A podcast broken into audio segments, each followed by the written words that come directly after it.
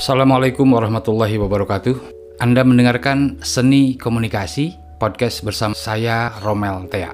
Di episode sebelumnya saya sudah berbagi dengan Anda tentang pengertian komunikasi, pengertian jurnalistik, dan lain-lain. Kali ini saya akan kembali berbagi dengan Anda tentang pengertian komunikasi yang sebenarnya. Ada tambahan yang sebenarnya, biar beda aja dengan yang sebelumnya. Komunikasi adalah aktivitas menerima dan menyampaikan pesan atau informasi, ide, pemikiran, gagasan. Aktivitas penerimaan pesan dilakukan dengan membaca atau reading dan mendengarkan, listening. Aktivitas penyampaian pesan dilakukan dengan berbicara, speaking, dan menulis, writing. Dengan demikian, komunikasi meliputi empat kegiatan atau aktivitas yaitu membaca, reading, mendengarkan, listening, berbicara, speaking, menulis, writing. Keterampilan membaca, menulis, berbicara, dan mendengarkan disebut juga dengan istilah seni komunikasi, the art of communications. Sekarang kita lihat pengertian komunikasi secara bahasa. Dalam Kamus Besar Bahasa Indonesia atau KBBI, komunikasi diartikan sebagai pengiriman dan penerimaan pesan atau berita antara dua orang atau lebih sehingga pesan yang dimaksud dapat dipahami. Komunikasi juga diartikan sebagai hubungan, kontak, dan perhubungan. Makin jelas pengertian komunikasi yang sebenarnya adalah pengiriman dan penerimaan pesan, sending and receiving. Ada aktivitas komunikan, ada aktivitas komunikator. Selama ini kita sering mendengar pengertian komunikasi adalah penyampaian pesan, hanya penyampaian, tidak ada penerimaan. Padahal komunikasi juga mendengarkan, membaca juga komunikasi. Mendengarkan dan membaca itu menerima pesan.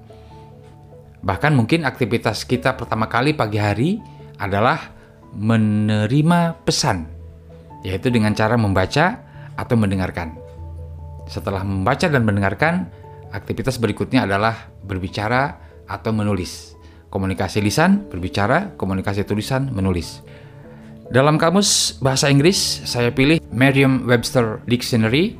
Komunikasi diartikan sebagai satu proses pertukaran informasi antar individu melalui sistem simbol, tanda, atau perilaku yang sama process by which information is exchanged between individuals through a common systems of symbols, signs, and behavior. Yang kedua, komunikasi adalah sistem seperti telepon atau komputer untuk mengirimkan atau bertukar informasi.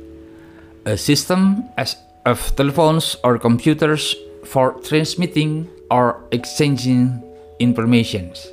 Yang ketiga, Komunikasi adalah teknik untuk mengekspresikan ide secara efektif seperti dalam pidato. A technique for expressing ideas effectively as in speech. Yang keempat, komunikasi adalah teknologi transmisi informasi seperti dengan media cetak atau telekomunikasi. The technology of transmissions of information as by print or telecommunications. Itu dia pengertian komunikasi yang sebenarnya. Demikian pengertian komunikasi yang sebenarnya. Di episode-episode berikutnya saya akan berbagi dengan Anda tentang seni komunikasi yang lainnya. Untuk mengetahui update terbaru atau episode terbaru podcast seni komunikasi ini, Anda bisa kunjungi senikomunikasi.com atau romeltea.com. Wassalamualaikum warahmatullahi wabarakatuh.